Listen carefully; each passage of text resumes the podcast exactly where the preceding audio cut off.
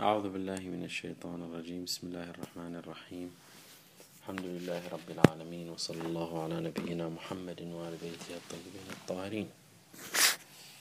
اللهم صل على محمد وآل محمد. نتحدث بشكل مختصر حول تاريخ الأصول في قرونه الأولى. نحاول أن نرصد من خلال هذه في الجلسة والجلستين آه، الجو التاريخي والعام لعلم الأصول في هذه الفترة. تحت عنوان أصول فقه الإمامية رصد للتكون والنشأة على ضوء أو على ضوء الوثائق التاريخية. بداية كتمهيد لأصل الموضوع نقول بأن يذهب بعض العلماء إلى تصنيف العلوم الإسلامية إلى صنفين. العلوم الإسلامية الخالصة والعلوم الإسلامية غير الخالصة. العلوم الإسلامية الخالصة هي تلك العلوم التي أنتجها المسلمون نتيجة لحاجة ثقافية وحضارية مرتبطة بالمجتمع الإسلامي. بمعنى أن هناك تساؤلات طرأت في أذهان العلماء المسلمين. حاول هؤلاء العلماء ومجموعة هؤلاء العلماء حاولوا الإجابة عن هذه التساؤلات فأنتجت نتيجة تفاعلات متعددة داخل البيت الإسلامي. أنتجت لنا علوما مستقلة.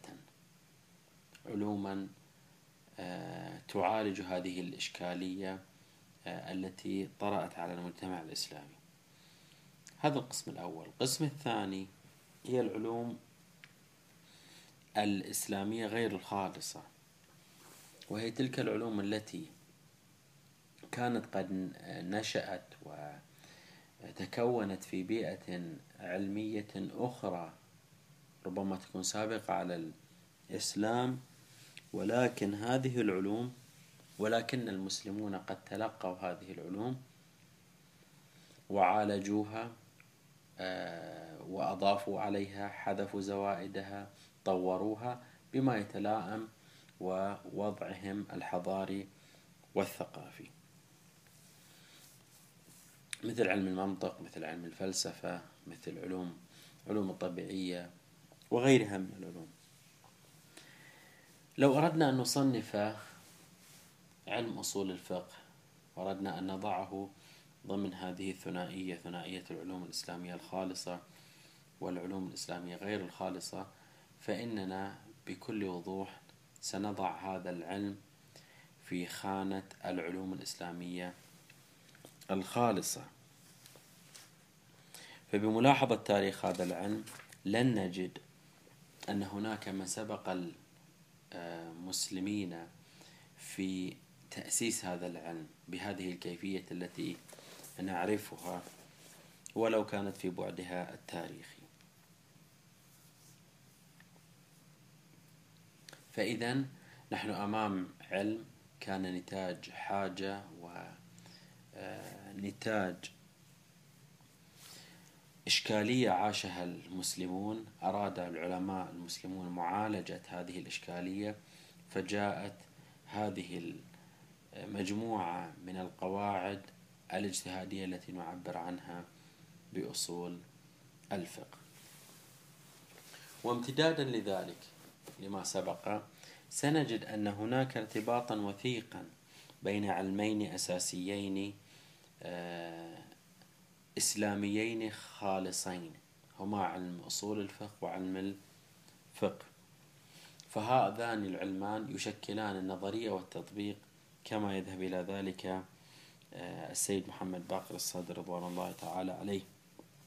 حيث يذهب السيد الشيخ الصدر بأن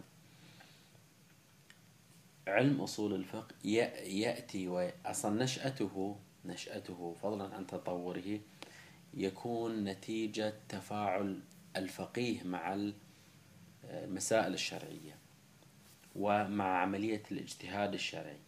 فالفقيه كلما واجه إشكالية في الخارج كلما واجه موضوعا معقدا في عملية استنباط الحكم الشرعي رجع وبحث عن قاعدة أو أداة تساعده في هذه في هذا الاجتهاد أو في هذه هذا المورد الذي يعيشه.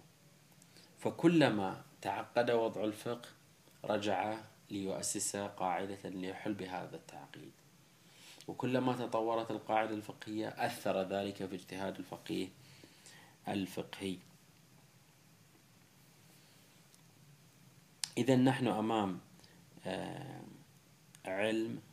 هذا العلم يشكل آه، واحدة من الظواهر الحضارية والثقافية الإسلامية. علم امتد امتدادا طويلا عبر تاريخ المسلمين كما سنرى إن شاء الله تعالى.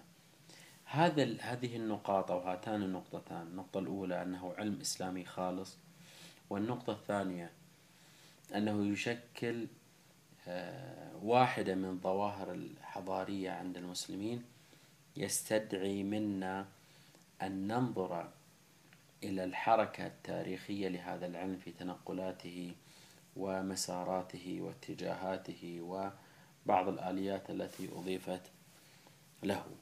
هذه هذا التمهيد بمثابة الحاجة لمثل هذه البحوث والحاجة لأصل البحث التاريخي. في هذا السياق نذكر مجموعة من النقاط التي نحاول من خلالها أن نصل إلى آه، التصور التاريخي حول أصول الفقه الإمامي. النقطة الأولى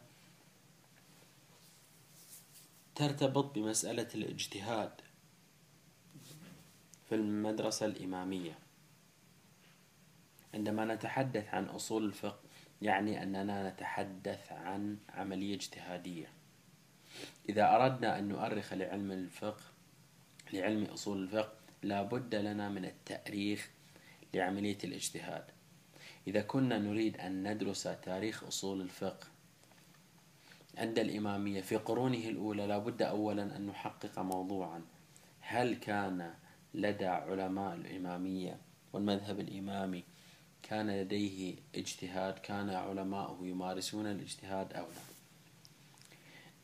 فإذا ثبت أنه لا يمارسون الاجتهاد في القرون الأولى فتلك القرون التي لم يمارس فيها الاجتهاد نحذفها من دراستنا لتاريخ علم أصول الفقه إذا النقطة الأولى كنقطة منهجية لابد من تحقيق هذا الموضوع وهو هل مارس العلماء الإماميون الاجتهاد الشرعي؟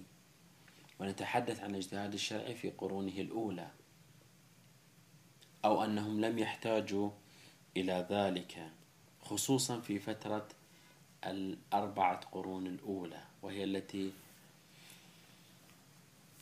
جزء التي يشكل في الثقافة الإمامية تشكل عصر الحضور. جزء كبير منها يشكل عصر الحضور المعصوم عليه السلام النبي أو الإمام. فهل مارس الشيعة الأوائل نشاطا اجتهاديا يمكننا من خلاله الكشف عن بيئة لنشأة علم أصول الفقه ولو بحدها الأدنى أو لا. هذا سؤال أساسي لابد من إعطاء وجهة نظر فيه للدخول إلى أصل البحث.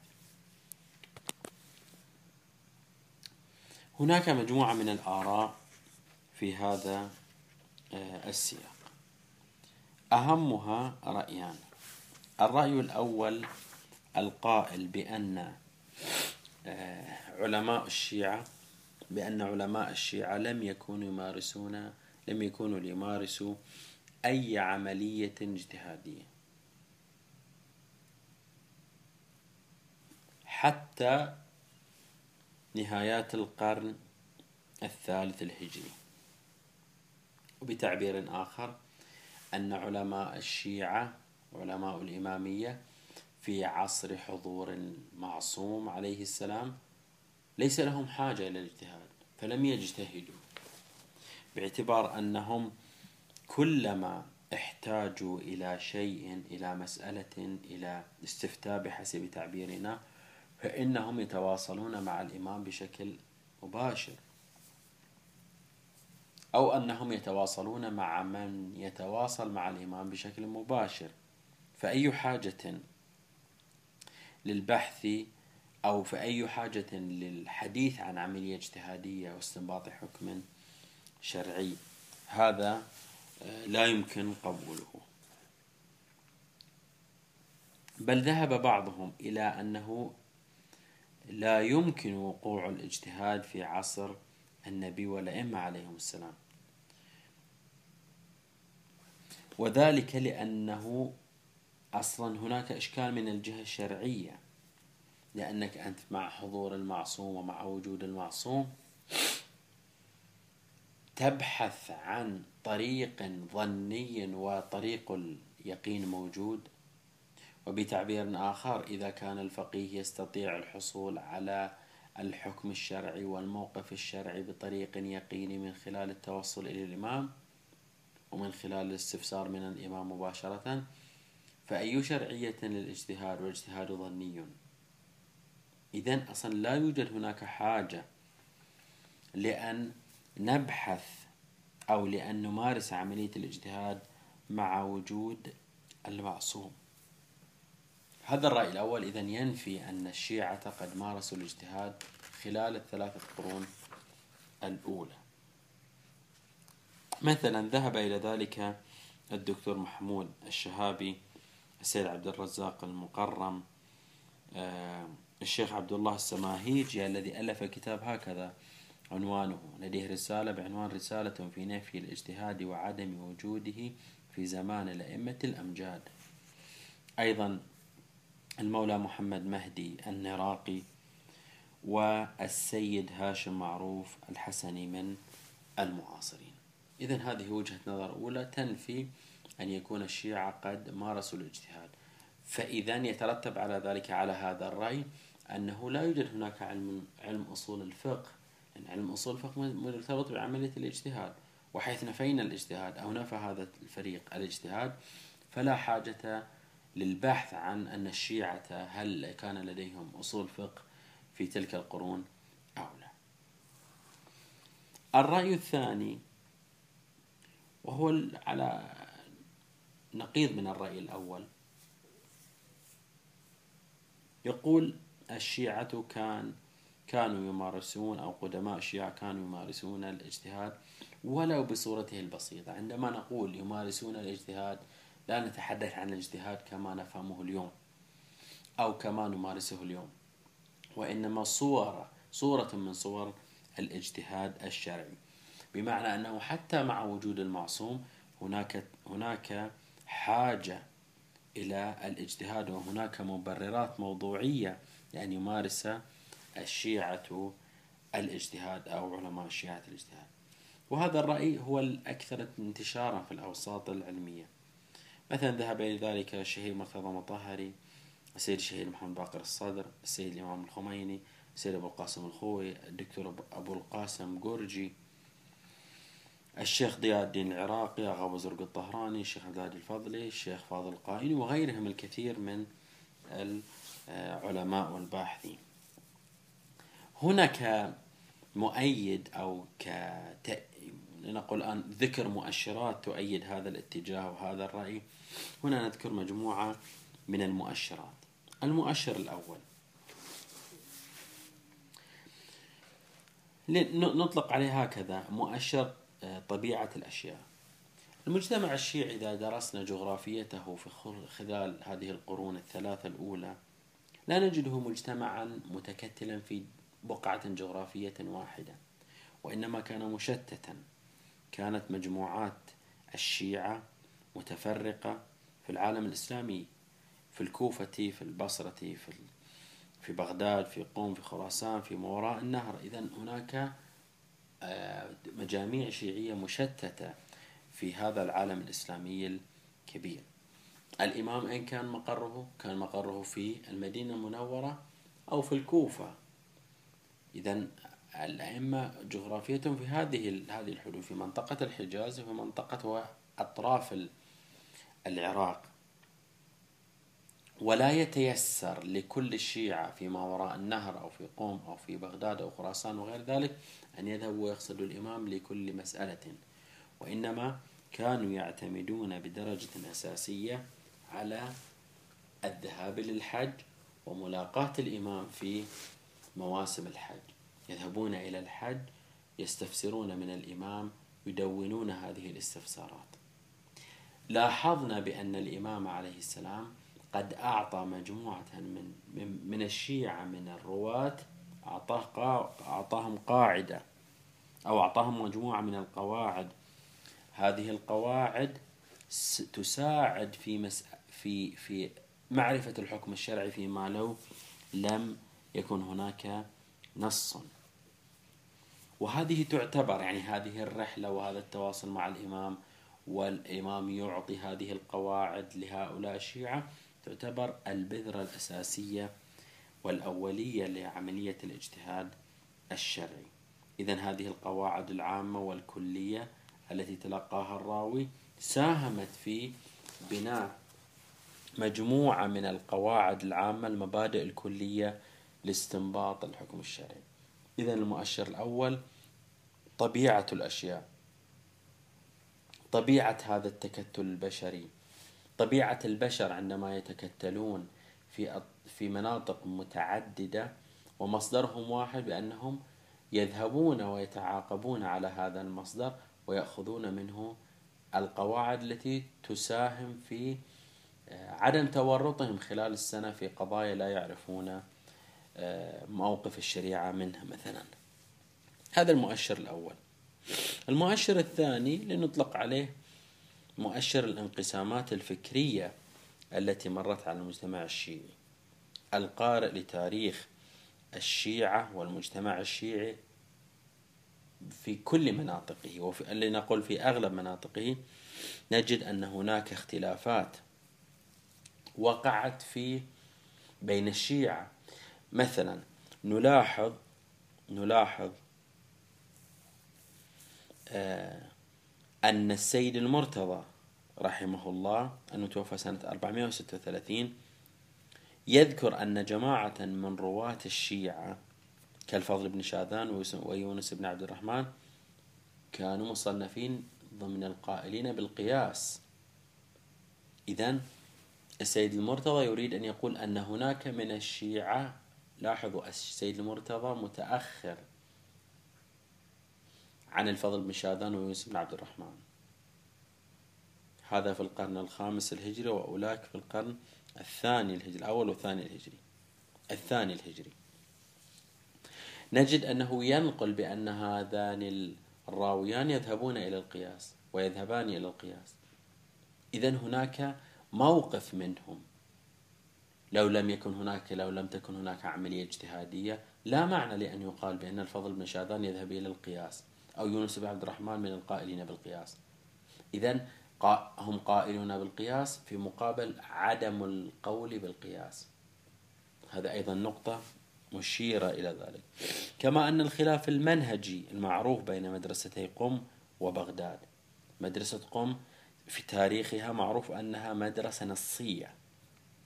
في قبال مدرسة بغداد التي هي مدرسة عقلية كلامية. ولذلك نجد أن الشيخ المفيد رحمه الله يمثل اتجاها في الاجتهاد الشرعي والشيخ الصدوق يمثل اتجاها آخر في قم في, في الاجتهاد الشرعي. الشيخ المفيد كان في بغداد والصدوق كان في قم. نحن لا نتحدث عن المفيد والصدوق وإنما نتحدث عن هذه المدرسة. مدرسة بغداد كانت موجودة قبل الشيخ المفيد. ومدرسة قم موجودة قبل الشيخ الصدوق. إذا هناك مزاجان إن صح التعبير. هناك توجهان آه، متنا يعني مختلفان بين فيما بينهما. إذا أيضا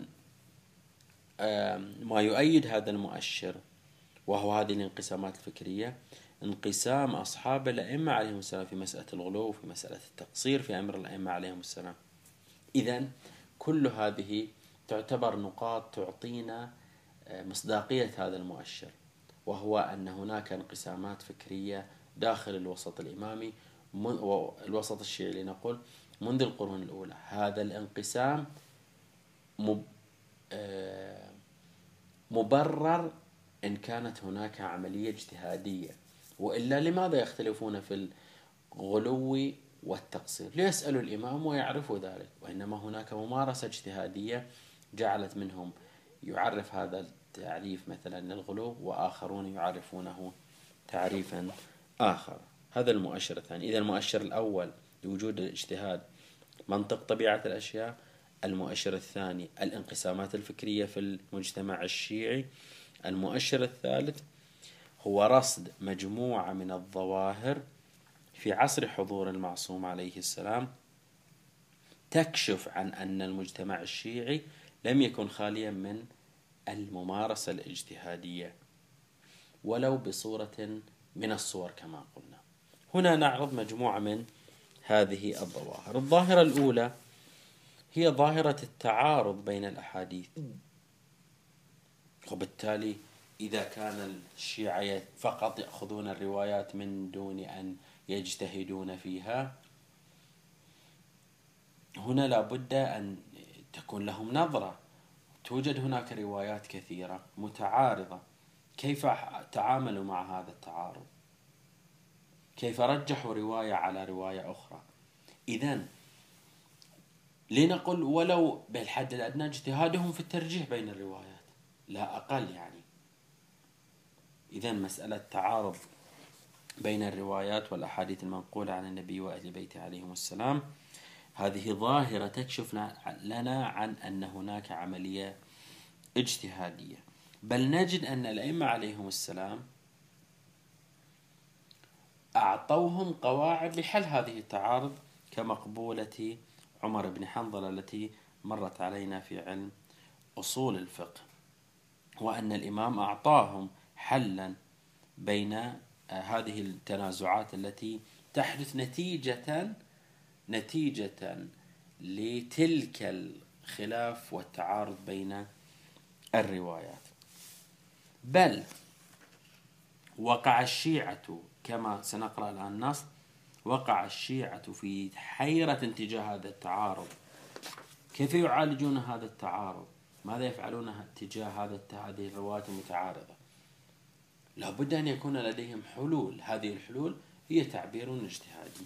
يقول الشيخ الصدوق الأب المتوفى سنة 329 حول هذه الحيرة في الكتاب المنسوب إليه لأنه هناك خلاف في نسبة هذا الكتاب له.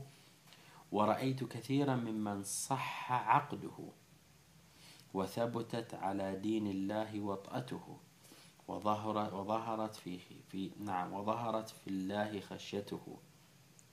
قد أحادته الغيبة. وطال عليه الأمد حتى دخلته الوحشة وأفكرته الأخبار المختلفة والآثار الواردة. وعقد فصلا في كتابه حول أسباب اختلاف الروايات وموجبات الحيرة والاشتباه. بل أنه بعد الغيبة الكبرى بسنوات ينقل لنا الشيخ الطوسي رحمه الله حجم الأزمة التي عاشها بعض الشيعة نتيجة هذا التعارض بين الروايات. لا بأس نقرأ هذا النص. يقول في كتابه التهذيب تهذيب الأحكام ذاكرني بعض الأصدقاء أيده الله ممن أوجب الله حقه علينا بأحاديث أصحابنا بأحاديث أصحابنا أيدهم الله ورحم الله والسلف منهم.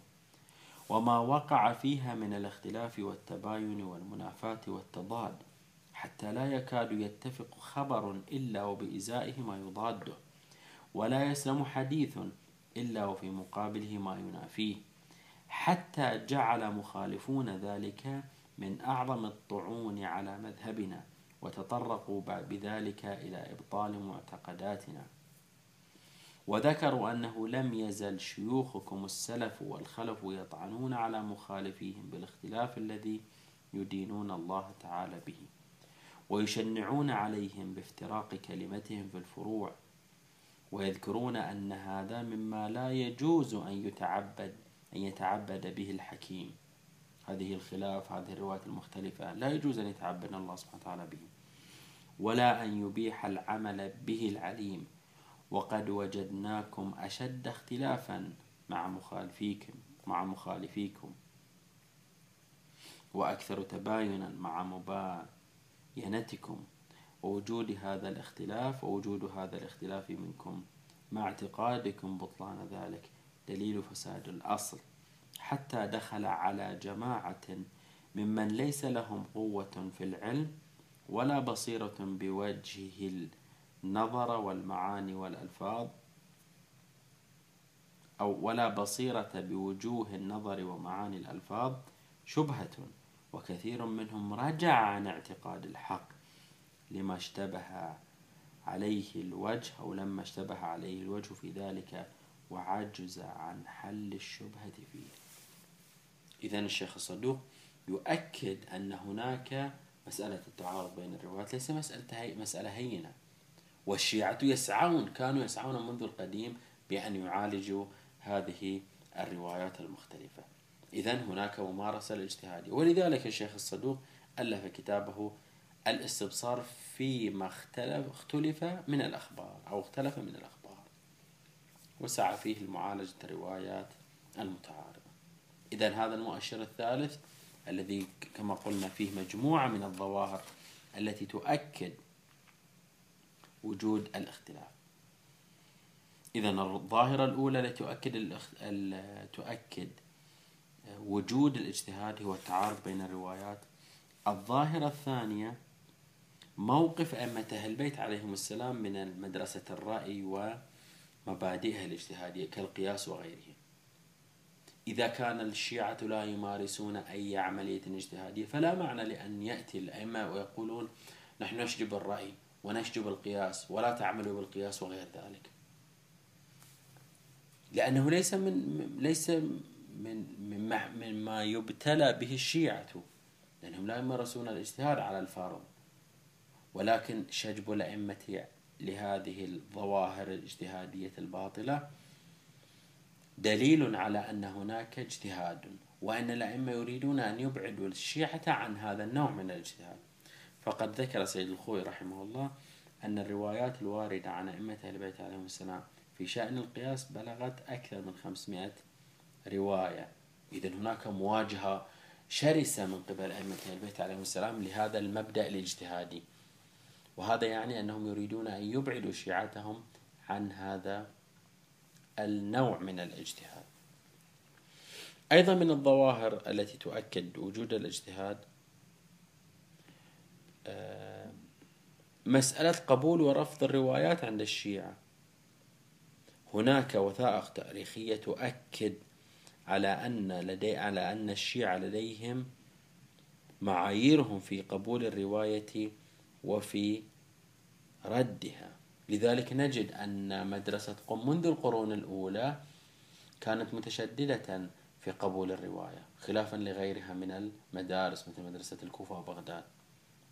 هذا هذا هذه المعايير في القبول والرفض دليل على اجتهاد دليل على أن هناك ممارسة يستطيع من خلالها الفقيه أو يمارس فيها من خلالها الفقيه مسألة قبول وعدم قبول الروايات إذا كانت كان الشيعة لديهم مجموعة من الضوابط في قبول الرواية وهذا هو الاجتهاد أو تعبير اجتهادي.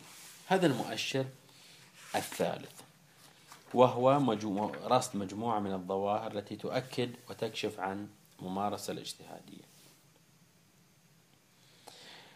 المؤشر الرابع أن هناك بعض النصوص الروائية عن أئمة أهل البيت أئمة عن أئمة أهل البيت عليهم السلام تحدثوا عن موضوع الاجتهاد واستنباط الحكم الشرعي في بعض صوره وبل قام الأئمة بتعليم آه، شيعتهم كيف آه،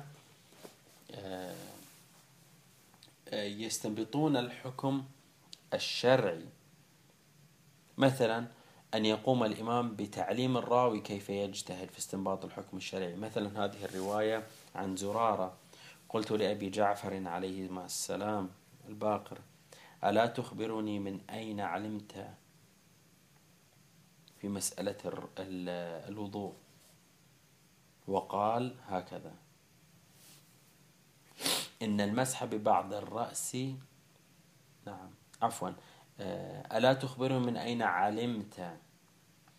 وقلت إن المسح ببعض الرأس وبعض الرجلين فضحك ضحك الإمام فقال يا زرارة قاله رسول الله صلى الله عليه وآله ونزل به الكتاب من الله عز وجل.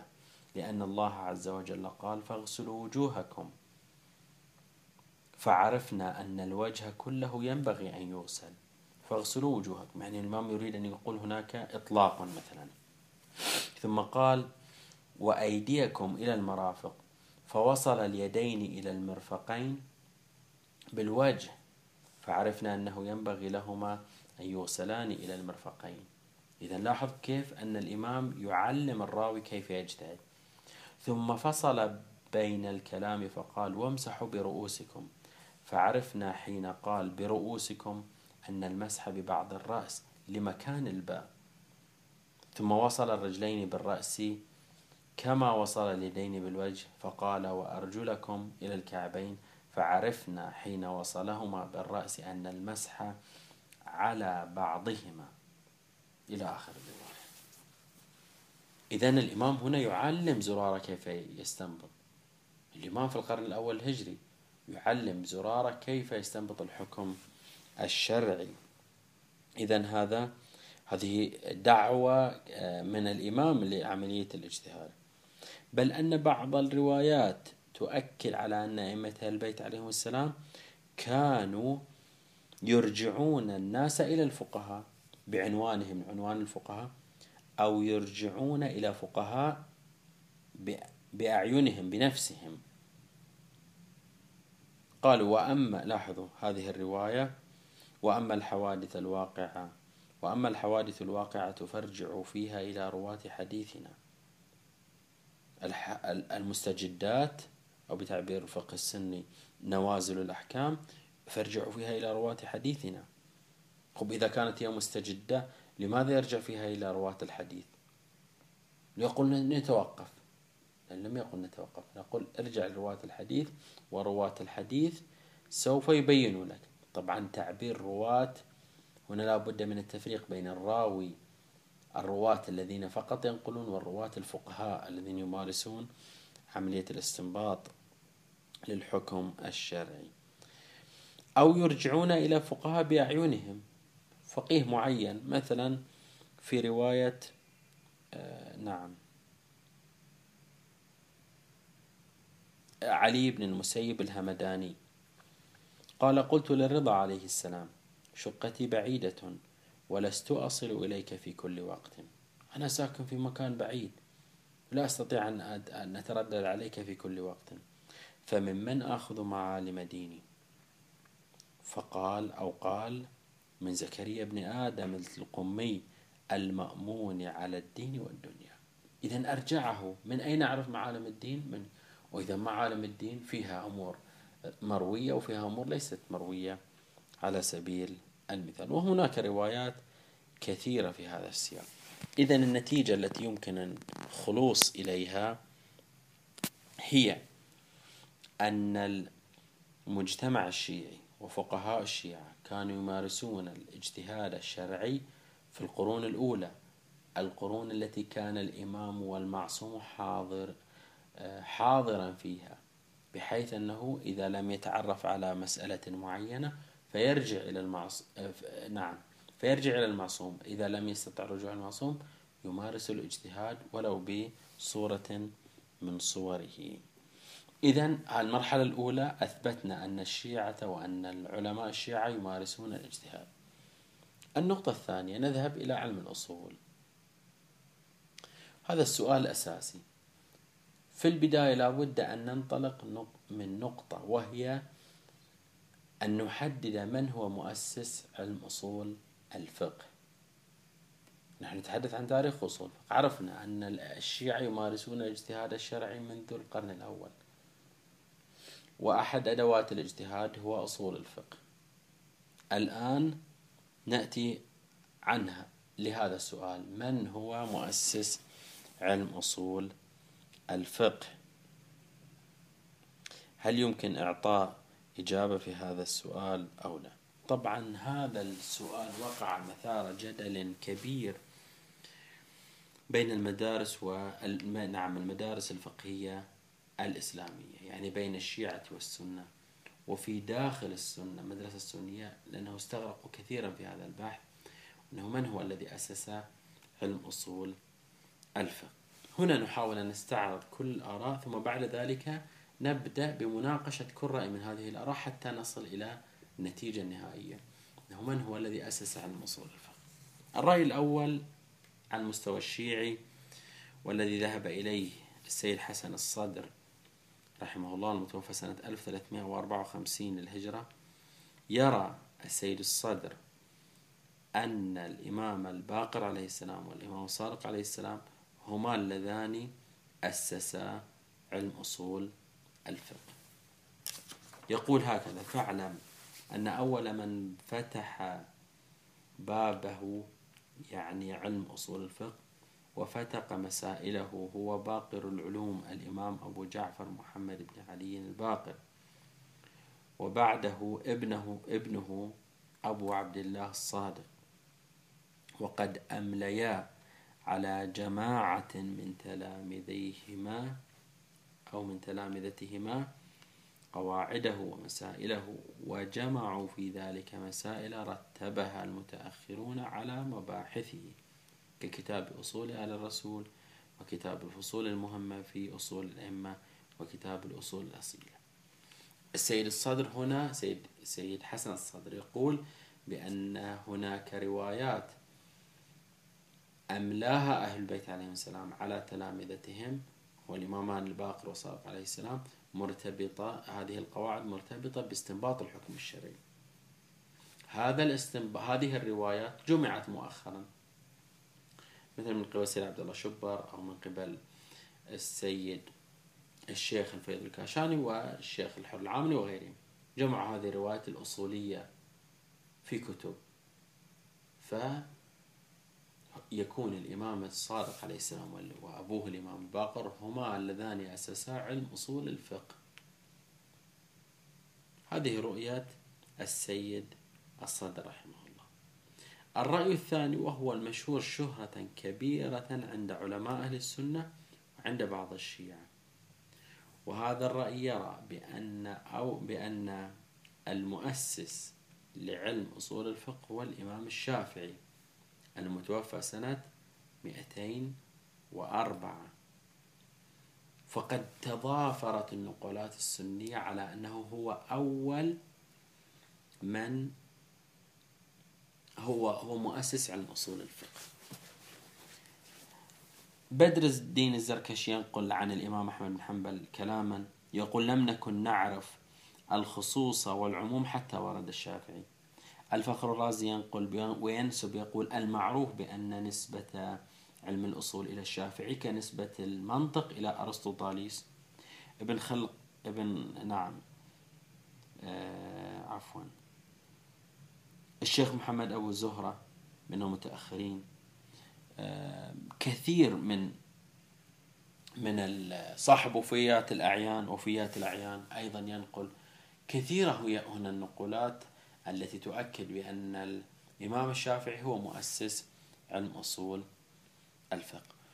بل من الإمامية من يذهب إلى ذلك كما ذهب إلى ذلك السيد حسين البرجردي.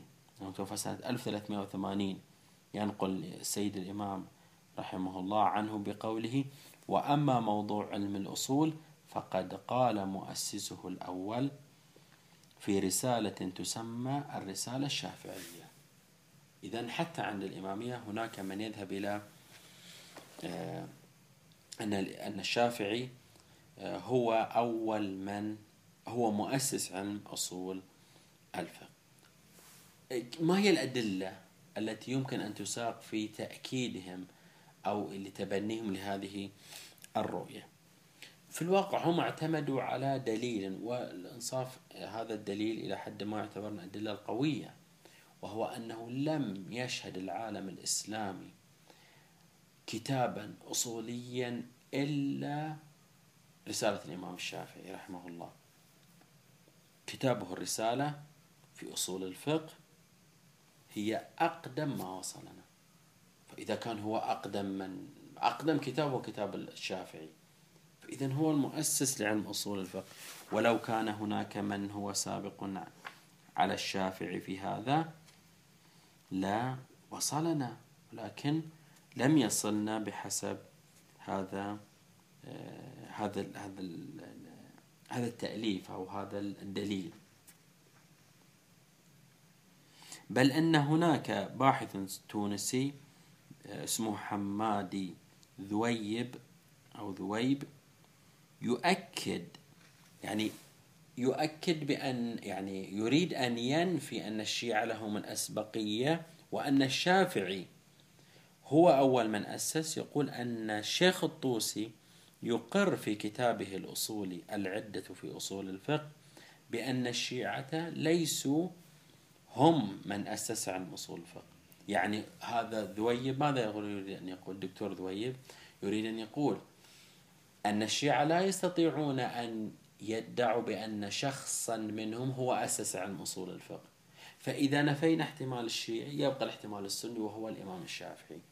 يقول الدكتور حمادي ذويب يقول أن الشيخ الطوسي رحمه الله أقر بأنه لم يؤلف لم يؤلف الشيعة في أصول الفقه. هكذا يقول نقلا عن الشيخ الطوسي.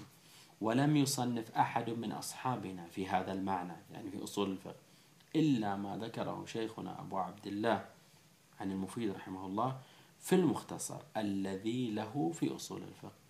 إذا هذا إقرار بحسب الدكتور ذويب هذا إقرار من الشيعة بأنهم لم يعرفوا تأليف الأصول إلا في زمن الإمام آه، الشيخ المفيد رحمه الله يعني في القرن الخامس الهجري متوفى المفيد متوفى 413 إذا إذا كان أول مؤلف شيعي هو في القرن الخامس الهجري والسنة يقولون أن لدينا مؤلف الإمام الشافعي وهو في القرن الثالث الهجري فهذا يعني أن المؤسس هو الإمام الشافعي رحمه الله لعلم أصول الفقه. الآن هذه الأدلة أو الوقفة أو نتوقف مجموعة من الوقفات مع الرأي الأول رأي السيد حسن الصدر والرأي الثاني رأي المدرسة السنية أو مشهور علماء أهل السنة. إن شاء الله نتوقف عنده وقفات وملاحظات نسجلها على هذين الرأيين لنخرج بعد ذلك بتصورنا الخاص حول علم أصول الفقه في تأسيسه. من هو المؤسس لعلم أصول الفقه؟ نكتفي بهذا المقدار والحمد لله رب العالمين.